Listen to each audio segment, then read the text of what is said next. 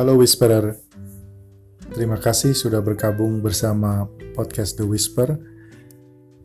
Beberapa variasi cerita telah kami kumpulkan dan diusahakan tema yang sama tidak kami siarkan berurutan.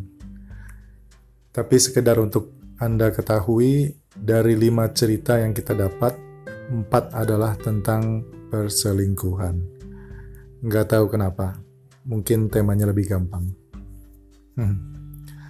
Jadi, ayo yang mau ikutan sharing, langsung aja hubungi admin kami di IG dan Twitter The Whisper underscore podcast. Ya, biar tambah banyak ceritanya, tambah enak nanti Whisperer dengerin tema-tema barunya. Nah, cerita yang akan dibacakan kali ini diakibatkan atau diawali lebih tepatnya oleh hujan. Sudah siap mendengarkan? Ingat, hanya untuk yang dewasa ya. Buka hati Anda saat mendengarkan, karena kisah ini bukan untuk dihakimi, tapi sekedar hiburan. Dan mungkin nanti Anda bisa sedikit pahami. Oke, selamat mendengarkan.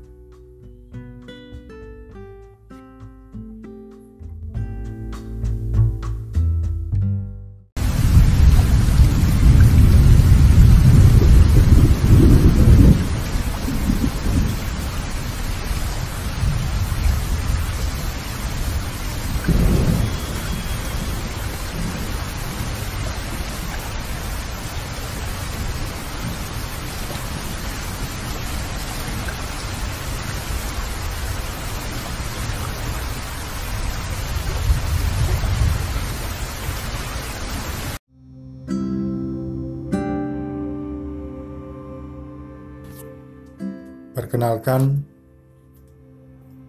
sebut saja saya Tatang. Bisikan itu datang waktu saya kehujanan saat menuju rumah calon istri saya. Peristiwa selanjutnya hampir-hampir pernikahan saya gagal.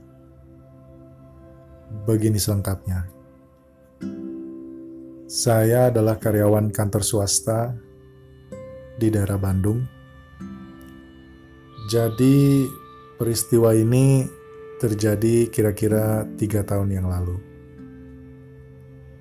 Hari itu saya janjian sama tunangan saya yang sekarang jadi istri saya ya. Mau dikenalkan sama beberapa kerabatnya. Maklum, sudah mau dekat-dekat hari baik, bersilaturahmi lah. Pulang kerja, saya langsung meluncur naik angkot warna putih. Setengah jalan ke atas, hujan turun gede banget.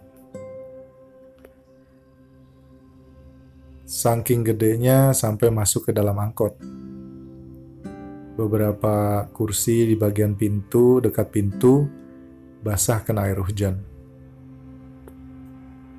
Waduh, dalam hati saya, mana nggak bawa payung. Tapi payung juga percuma, hujan kayak gini mah. Sudah mau dekat sampai tujuan, karena penumpangnya tinggal saya saja di mobil itu, tiba-tiba sopir memutuskan untuk putbal. Putar balik sebelum sampai tujuan.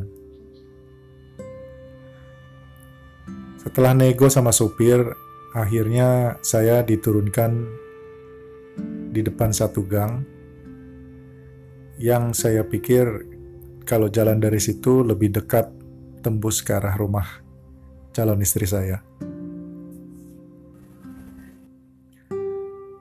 Saya nggak mikirin hujan yang masih turun.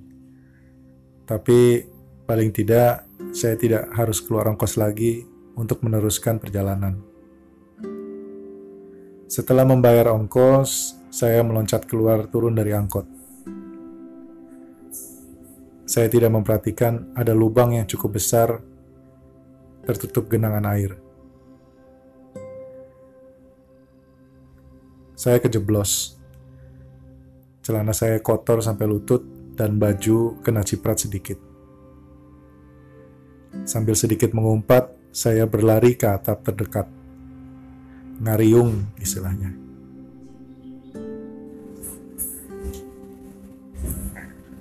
Sampai di sana saya mengecek apa ada luka apa enggak di bagian kaki saya. Ternyata aman. Nggak ada yang robek atau luka. Ya kalau cuman kotor gampang lah dalam hati saya. Lanjut, saya pindah dari satu atap ke atap lain untuk meneduh. Tiba-tiba hujan turun lebih deras lagi. Saya coba untuk mencapai sebuah rumah yang atapnya lumayan besar untuk berteduh. Berlari menerobos hujan yang makin deras. Sampai di bawah atap rumah itu, ya seluruh pakaian saya basah kuyup. Sepi sekali daerah sekitar sini, pikir saya dalam hati. Saya memutuskan untuk menunggu sebentar sampai hujan agak sedikit reda. Untuk menghangatkan diri, saya bakar rokok biar nggak dingin-dingin banget. Belum habis rokoknya, Tiba-tiba ada suara dari dalam rumah. Hujannya gede, A. Masuk sini aja dulu. Saya kaget dong. Saya takut dimarahin karena ngerokok di depan rumah orang. Dari dalam rumah yang agak besar itu keluarlah seorang wanita parubaya ya sekitar 40 tahunan lah dengan ramah dia menawarkan untuk berteduh di dalam terasnya. Oh, malah saya disuruh masuk ke dalam rumah. Saya habiskan rokok di tangan saya, agak ragu sebenarnya. Sempat terhenti langkah saya, tapi akhirnya saya ikut ke dalam.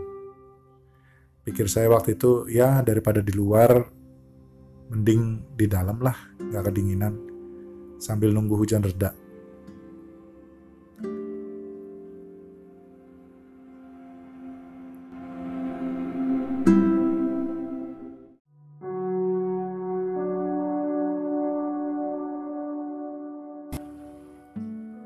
Sampai di dalam, saya disuruh duduk. Gak lama, teh manis panas sudah keluar dari arah dapur.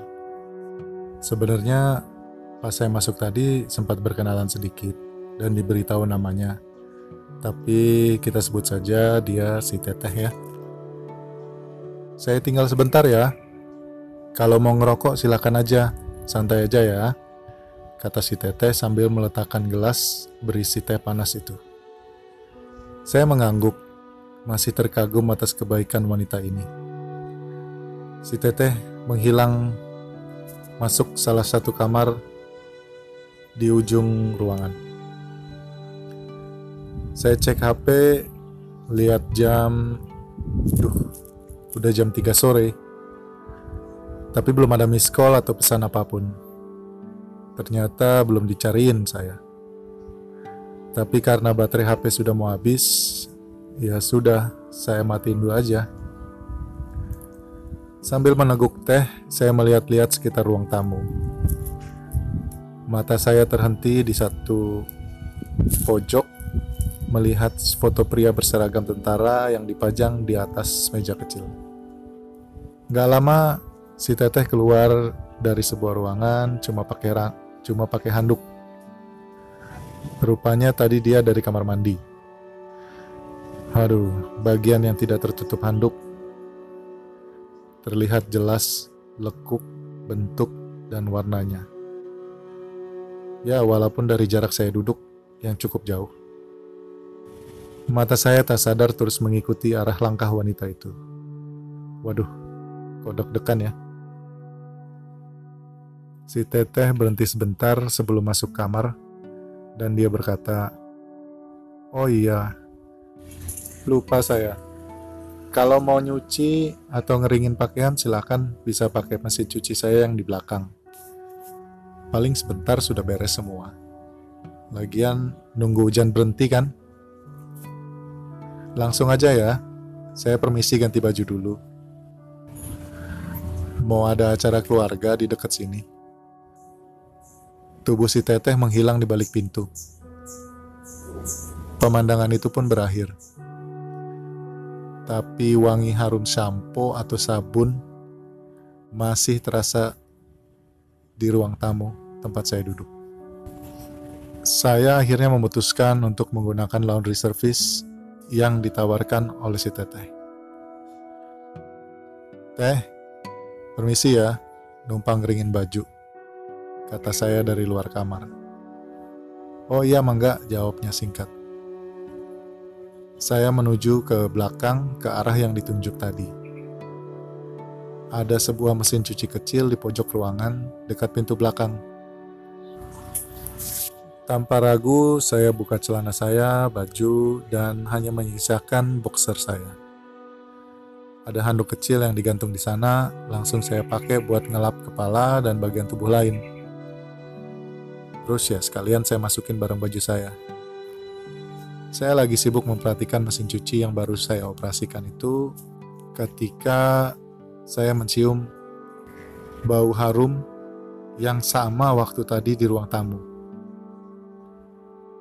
dan lebih terkejut ketika ada sepasang tangan yang memegang pinggang saya dari belakang.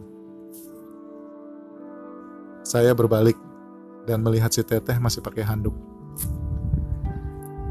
Muka dan rambutnya sudah rapi. Dia berdiri di depan saya.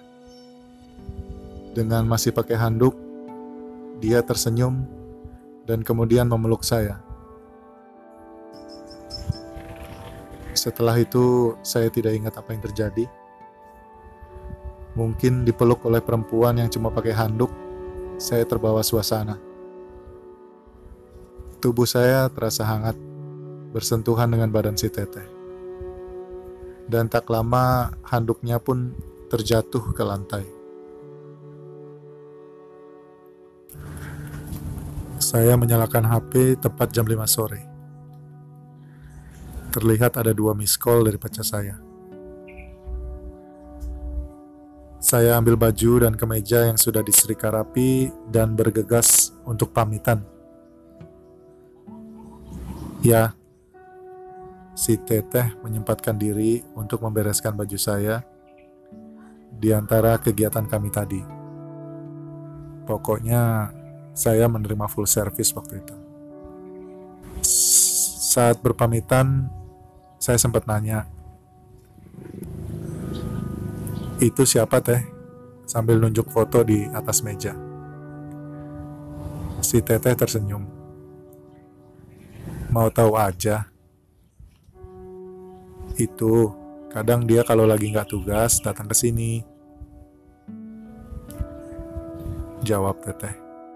Singkat. Saya agak bingung sama penjelasannya itu, tapi ya sudahlah, buat apa dipikirin. Gak lama hujan berhenti, saya bergegas pamit untuk pergi. Si teteh minta nomor HP saya, tapi saya kasih nomor yang salah. Pikiran saya waktu itu tertuju pada calon istri saya. Saya benar-benar takut, saya benar-benar nyesel telah kemakan oleh rayuan si teteh.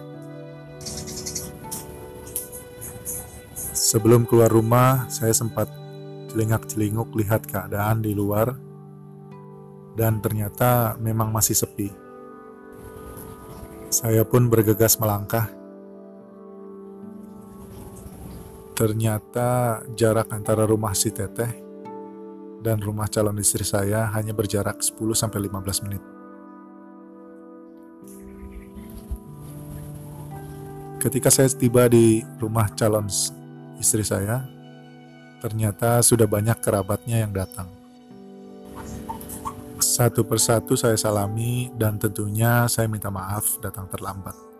Alasannya karena hujan. Calon istri saya dan keluarga besarnya memulai acara ramah tamah, lalu akan diakhiri dengan doa dan makan bersama nantinya.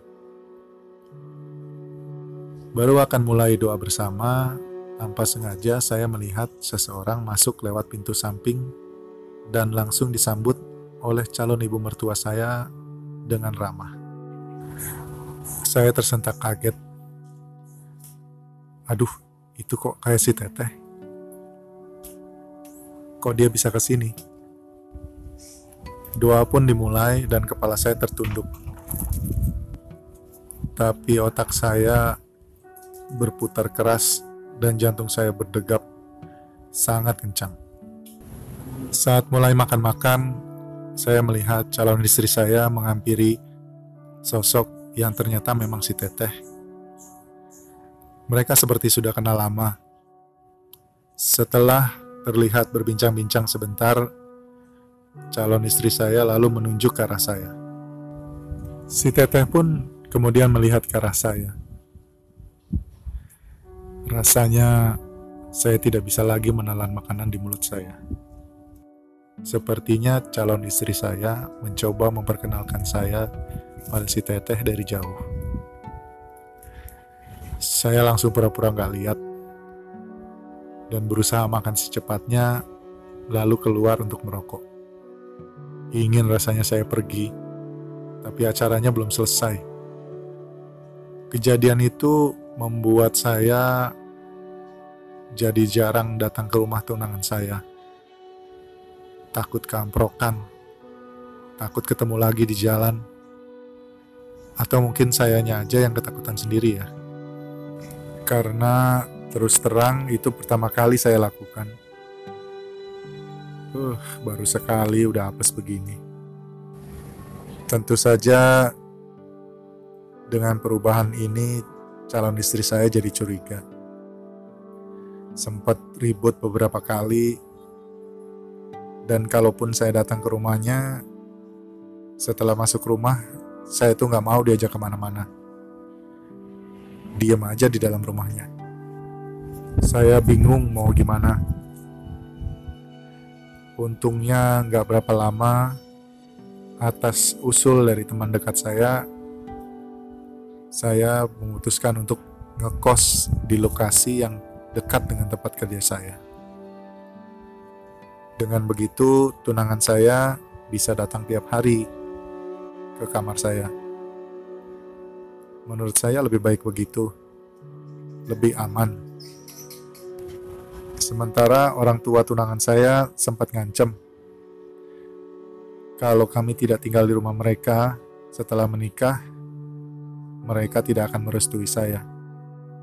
Pernikahan kami pun sempat tertunda satu bulan lebih dari rencana. Akhirnya, saya bisa meyakinkan calon istri saya untuk mendukung keputusan saya. Dengan alasan waktu itu, saya nggak mau tinggal di villa mertua indah. Untungnya, dia pun berhasil mengambil hati orang tuanya untuk menyetujui keputusan ini. Dalam hati saya, biarin deh gak dapat rumah.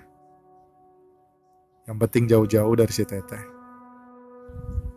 Sekarang sudah hampir dua tahun kami menikah. Kami belum dipercayai dengan anak, tetapi saya tetap setia sama istri saya. Dan saya nggak pernah main hujan-hujanan lagi. Entah gimana kabarnya si teteh itu sekarang. Tapi peristiwa saat hujan itu telah menghukum saya, sekaligus memberi saya pelajaran hidup yang berharga. Terima kasih telah mendengarkan kisah saya di The Whisper. Sekian.